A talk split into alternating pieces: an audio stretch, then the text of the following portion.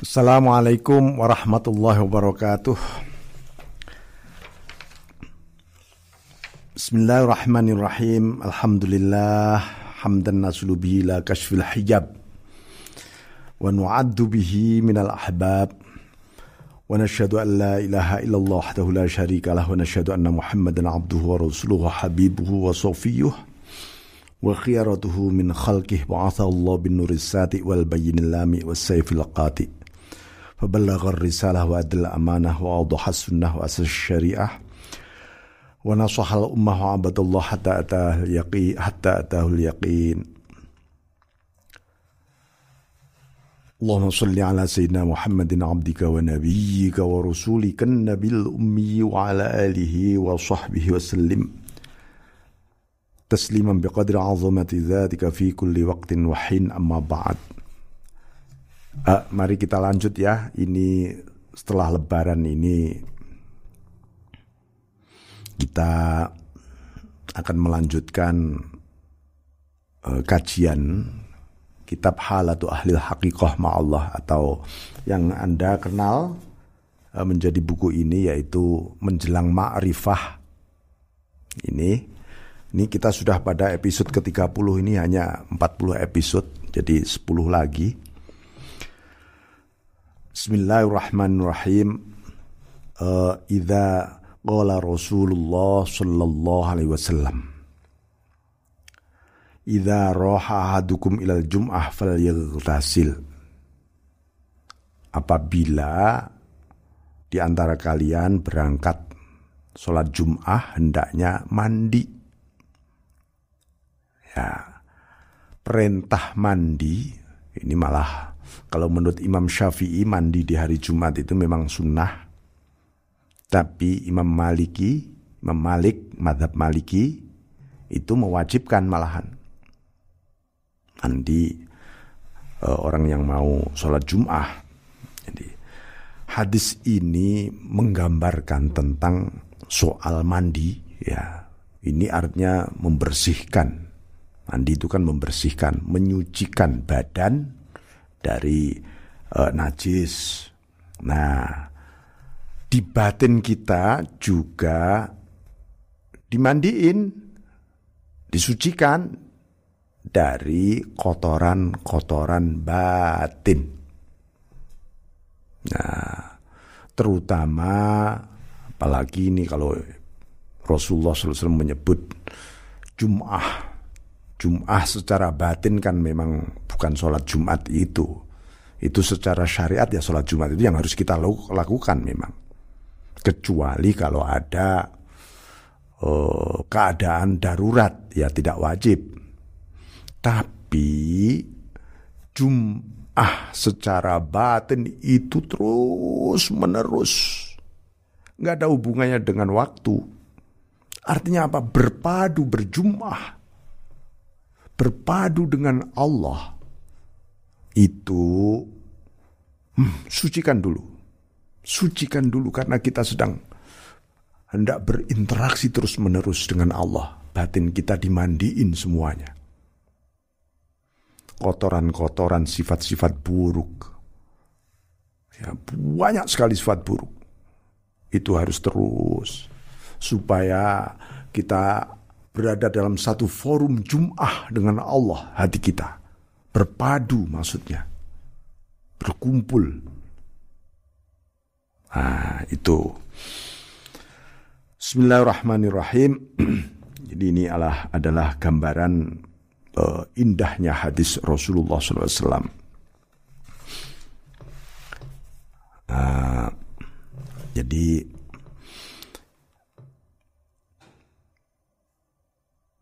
kalau seseorang sudah zohiron wabatinan bersih suci nih ya baru. Pemata tahaqqaqa dzalika ya'tasim billah wastaslim lahu wa fad wa fawwidil kulliyah ilah jadi tetaplah i'tisam billah menggantungkan diri kepada Allah mengaitkan hati kita pada Allah. Udah bersih nih, kaitkan terus. total nih hati kepada Allah. Ngalor ngidul ya Gusti Allah sudah pokoknya. Atas bawah rasanya engkau saja Allah. Wa fawwidil kulliyah ilaih. Ya. Namanya pasrah ya harus total. Namanya itu wa fawwidu amri ilallah.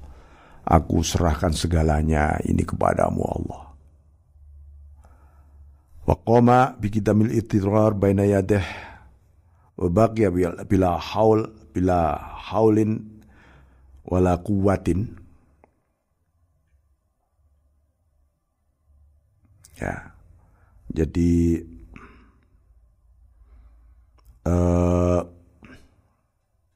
kalau sudah begitu gimana ya kidamil ittirar itu langkah penuh remuk redam di hadapan Allah fana karena fana, ya Allah la haula wa la quwata illa billah. Aku ini nggak berdaya, nggak bisa apa-apa Tuhan. Bahkan sekadar melangkah kepadamu, aku nggak berdaya. Kalau tidak karena engkau pertolonganmu, kekuatanmu, daya darimu, nggak bisa ini Tuhan. Wala ikhtiarin wala ta'likin. Ya, Jangan menghadap Allah, jangan mencoba membuat pilihan. Biarlah Allah sendiri yang memilihkan. Dan jangan menggantungkan kepada selain Allah. Di hadapan Allah kita. Apalagi ngatur, apalagi bertanya-tanya. Ya, fa inna rohad darain wasururihima fil i'tisam billah. Orang baru merasa ringan hidup di dunia ini kalau i'tisam billah menggantungkan pada Allah. Dan sebaliknya wahumu mahuma fil i'tisam bi ghairillah wa ru'yatul haul wal quwwah bin nafs ini sumber kegelisahan kecemasan di dunia ini karena kita tidak menggantungkan hati kita pada Allah kepada yang lain kepada imajinasi kita, proyeksi-proyeksi kita. Nah itu namanya ru'yatul haul wal kuwah memandang manusia ini bisa berdaya, manusia punya kekuatan bin nafsi yang ada dalam dirinya. Ya, jadi kalau Anda punya mobil, Anda start, ya mobil itu kan sebenarnya nggak berdaya kalau nggak Anda start. Nggak ada bunyikan, nggak ada jalankan tiba-tiba mobil merasa mampu sendiri, berdaya sendiri. Katanya dia bilang, aku ini otomatis karena diriku sendiri. Nah, ini eh, kira-kira ini uh, apa mobil horor ini malahan jadinya. Nah, jangan sampai jiwa kita jadi jiwa yang horor karena kita merasa mampu ini berdaya ini dan seterusnya. Jadi Rasulullah SAW saja menyebutkan dirinya la amliku li nafsi naf'an wala illa ma Allah. Aku sendiri katakan Muhammad, aku tidak memiliki tidak memiliki kompetensi kemampuan milik terhadap diriku sendiri ini dharra. Manfaat maupun bahaya Ya, aku ini juga nggak bisa memberi manfaat pada orang lain dan bahaya kepada orang lain, bahkan terhadap diriku sendiri. Illa masya Allah kecuali yang semua kehendak Allah. Allah. Ayat ini sungguh membuat manusia merdeka semua di dunia ini kalau diterapkan. Ya. Begitu juga uh,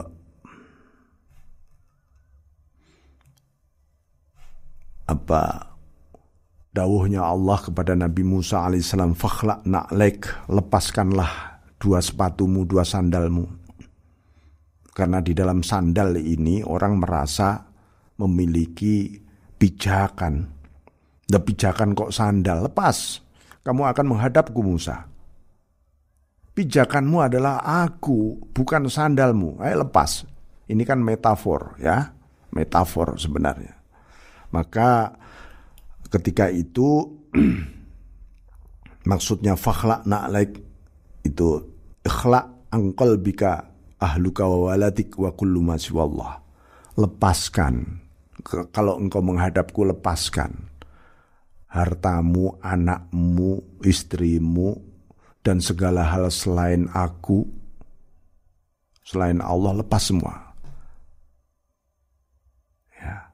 Allah bertanya, "Wa ma tilka biyaminika ya Musa?" Eh, yang ada di tanganmu itu apa, wahai Musa? Qala ya asoya. Ini tongkatku Tuhan. Ya. Asoya ada tongkatku, kataku ini loh. Ya gara-gara ku ini ya. Nabi Musa mulai mengandalkan dirinya dan mengandalkan tongkat.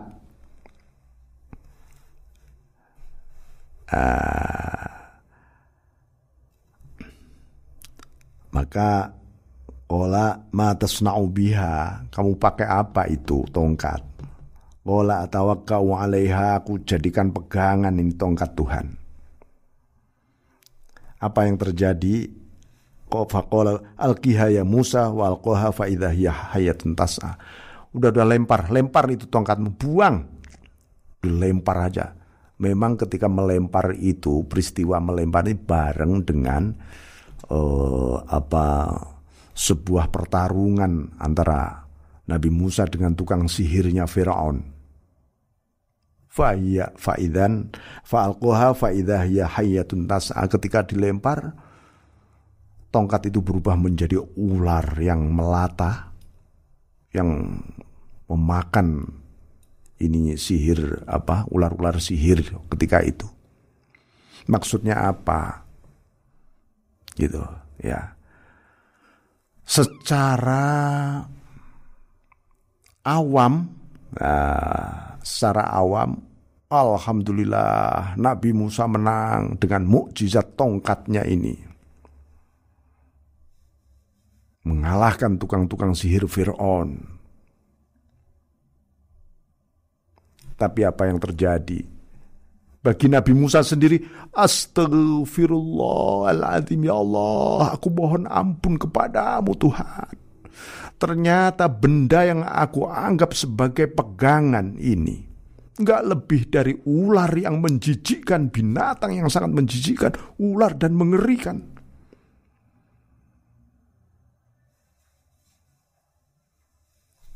Itu seorang nabi seperti itu ini apa? Ya. Jadi kita itimat bin nafsi bi ghairillah itu jadi begitu. Lalu Nabi Musa akhirnya bertobat kembali kepada Allah. Allah tahu tobatnya Nabi Musa. Allah berfirman, "Qala khudha wala takhaf." Ambil Musa. Tongkatmu itu ambilin lagi, jangan takut kamu. Karena Nabi Musa ketika melihat ular itu juga ngeri takut. Lu kok berubah ular menjijikan? Artinya gini, kalau Anda ditanya, Hei Fulan, Hei Dul, Hei Di, Hei Man, apa yang ada di tanganmu? Oh, jabatanku Tuhan. Dengan jabatanku ini aku bisa mengatur ini, mengatur ini, macam-macam. Satu lagi ditanya, apa yang ada di tanganmu? Oh, ilmu pengetahuanku Tuhan. Dengan ilmu pengetahuanku ini aku bisa uh, membangun rekayasa teknologi, ilmu pengetahuan macam untuk kemajuan umat manusia begini. Satu lagi ditanya, "Eh, apa yang ada di tanganmu?" Oh, yang ada di tanganku ini amal prestasi amaliyahku aku ini alibadah Tuhan. Yang ada di tanganku adalah derajat-derajat makom rohaniah. Bahkan aku bisa sampai membubung ke arasmu Tuhan. Balik lagi ke dunia sekejap Tuhan. Apa yang terjadi? Anda akan seperti Nabi Musa. Al-qiha. Ya Alqiha ya Musa. Eh, lempar semua predikat-predikatmu itu. Predikat jabatanmu, predikat amalmu, predikat ilmu pengetahuanmu, predikat daya dan kekuatan kejuaraanmu. Lepas. Itu enggak lebih dari binatang yang menjijikkan yang kau simpan di dalam hatimu. Kira-kira kita begitu enggak ya? Astagfirullahaladzim. Semoga kita bertobat kalau begitu seperti Nabi Musa. Tapi oleh Allah, Qala khudha wa la takhaf. Setelah kita bertobat, eh kamu jangan takut dengan sesuatu yang mengerikan dan menjijikkan tadi berupa ilmu pengetahuan, berupa amal, berupa jabatan, berupa prestasi, berupa kekuatan, fasilitas yang engkau miliki jangan pernah takut kamu ambillah dengan bersamaku. Bersama Allah kita mengambil itu semua, meraih itu semuanya. Karena ini adalah masyiatillah kehendakmu Allah bukan kehendakku. Itu loh. Maka disebutkan oleh Rasulullah Bismillahirrahmanirrahim dalam salah satu doa beliau Rasulullah SAW Beliau ber, ber, berdoa Bismillahilladzi la yadurru ma'asmi syai'un fil ardi wala fis sama'i huwas samiul alim. Maka dengan nama Allah bersama Allah la yadurru tidak ada bahaya.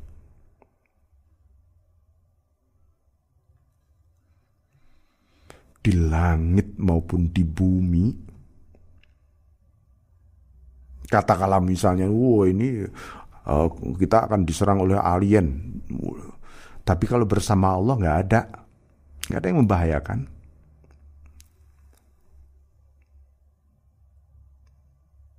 Baik di dalam bumi, di di langit. Bahwa samiul alim. Karena apa? Ada engkau. Ada engkau itu loh yang yang paling urgent, yang paling penting. Jadi, nah di dalam bab ini tentu uh, kita bisa uh, dikutipkan banyak kisah ya Anda baca lagi itu di buku itu di apa bab 30. Nah, yang menarik di sini beliau Syekh Ahmad Ar-Rifai radhiyallahu an, qaddasallahu sirrah beliau memberikan satu kiat eh, landasan-landasan supaya kehambaan kita ini kokoh seperti sebuah bangunan ibaratnya.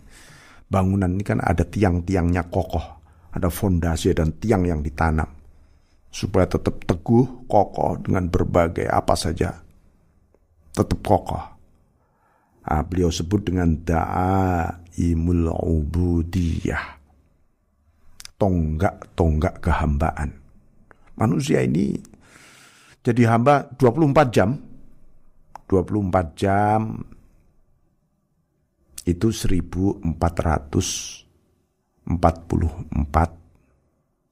menit. Ya. Berapa menit kita ini menjadi hamba Allah sebenarnya? Dari 1444 sehari semalam ini hitungan menitnya berapa menit kita menjadi hamba Allah. Kenapa kita jadi hamba Allah sebentar, mungkin nggak sampai semenit, habis itu hilang lagi, lalai lagi, nggak tahu ke mana kita, terlempar ke mana. Ayo kita kembali ini.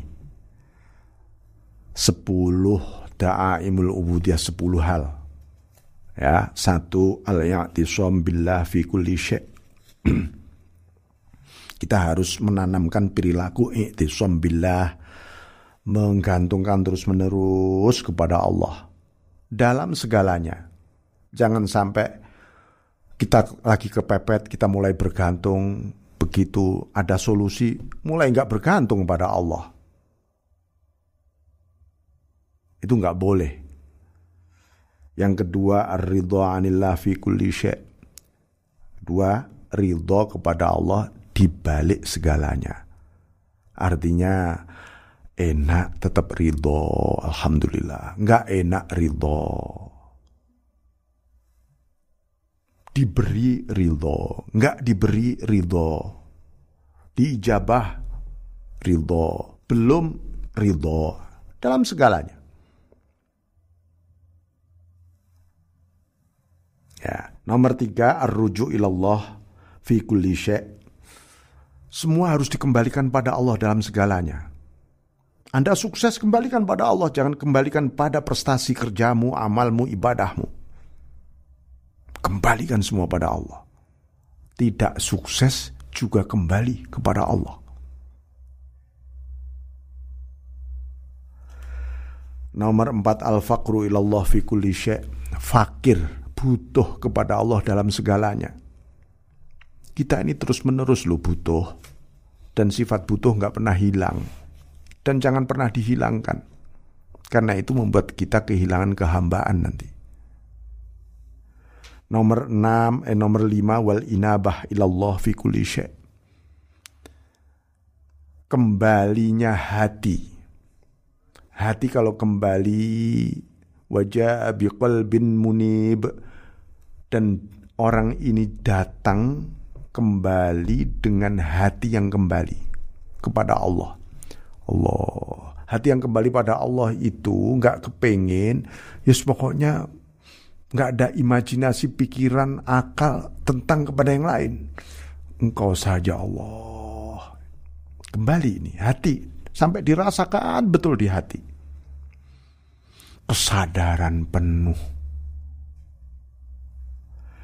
Wasabru Allah fi kulli sabar bersama Allah dalam segalanya. Karena ini semua sudah ditakdirkan Allah. Enak nggak enak, ini takdirnya Allah juga. Pas dengan kehendak Anda dan tidak pas dengan kehendak Anda juga sudah ditulis oleh Allah. Jadi kalau sudah begitu gimana? insya Allah kita akan lebih sabar. Hari ini Anda sehat, besok sakit, lusa sehat, ada tulisannya semua sudah. Bagaimana kita nggak sabar menghadapi ini semua? Hari ini kita Anda dapat rezeki banyak, besok sedikit, lusa banyak, besok nggak sama sekali, itu juga sudah ada tulisannya. Nggak berubah, nggak berpindah.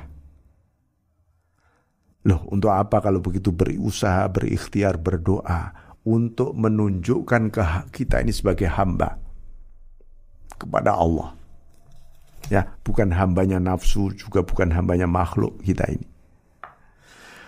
Nomor tujuh wal ingkito ilallah fi kulli memutuskan hati kita hanya kepada Allah dalam segalanya ya Allah. Ini perubahan-perubahan, fluktuasi kehidupan yang terus berubah. Tetaplah hati kita, ayo. Ya Allah, engkau ini. Aku hanya untukmu, hanya padamu Tuhan. Tolong aku Tuhan untuk bisa begitu Tuhan.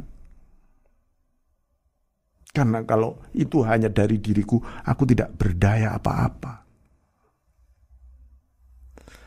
Wal istiqomah billah fi kulli syai' tetap istiqomah bersama Allah dalam segalanya. Jangan sampai sesekali bersama Allah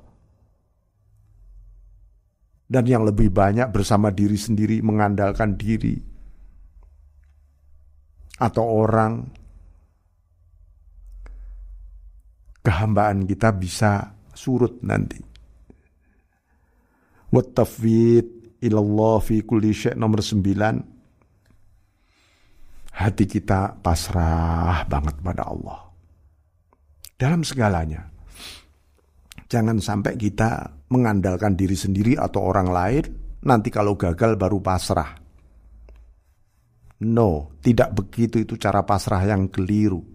Cara tawakal yang keliru. Makanya Anda gagal terus akhirnya wa taslim lahu fi kulli syai'. No, terakhir adalah istislam. berserah total hati kita kepada Allah. Pikiran, berikhtiar, bergerak ini ya memang kita diperintah. Perintah itu memang pekerjaan akal, pikiran dan fisik bergerak itu, berikhtiar itu. Hati pekerjaannya pasrah total kepada Allah. Ridho kembali berkait kepada Allah.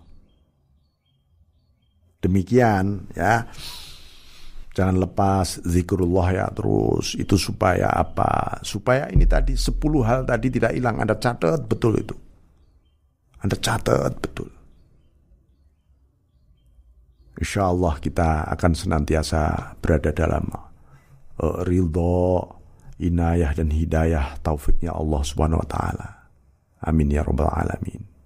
Wallahu muwaffiq lakum Assalamualaikum warahmatullahi wabarakatuh.